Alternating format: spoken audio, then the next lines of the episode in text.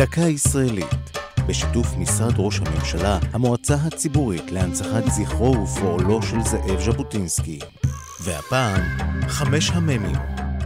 משנתו הכלכלית-חברתית של זאב ז'בוטינסקי מגולמת בעיקרון שנודע לימים בשם חמש המ"מים, וכך כתב ז'בוטינסקי ב-1934: מזון, מעון, מלבוש, מורה ומרפא. חובתה של המדינה צריכה להיות כל אדם המודיע שהוא דורש את חמש הממין צריך לקבל אותן.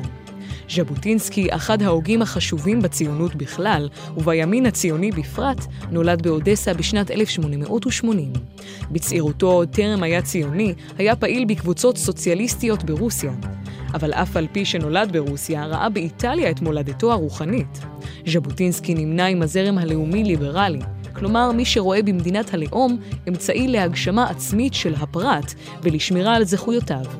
על פי ז'בוטינסקי תכלית המדינה לשרת את הפרט ולא להפך. להשקפתו על מנת לפרוס רשת ביטחון לכלל האזרחים באשר הם, על המדינה לעשות זאת גם במחיר התערבות בחיי האזרח, כפי שהיא נוטלת מיסים או מגייסת לצבא.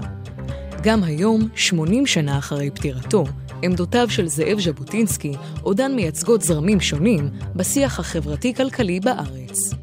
זו הייתה דקה ישראלית לציון 140 שנה להולדתו של זאב ז'בוטינסקי, בשיתוף משרד ראש הממשלה, המועצה הציבורית להנצחת זכרו ופועלו של זאב ז'בוטינסקי. כתבה טליה כהן, ייעוץ הדוקטור אופירה גרביס, עורך ליאור פרידמן.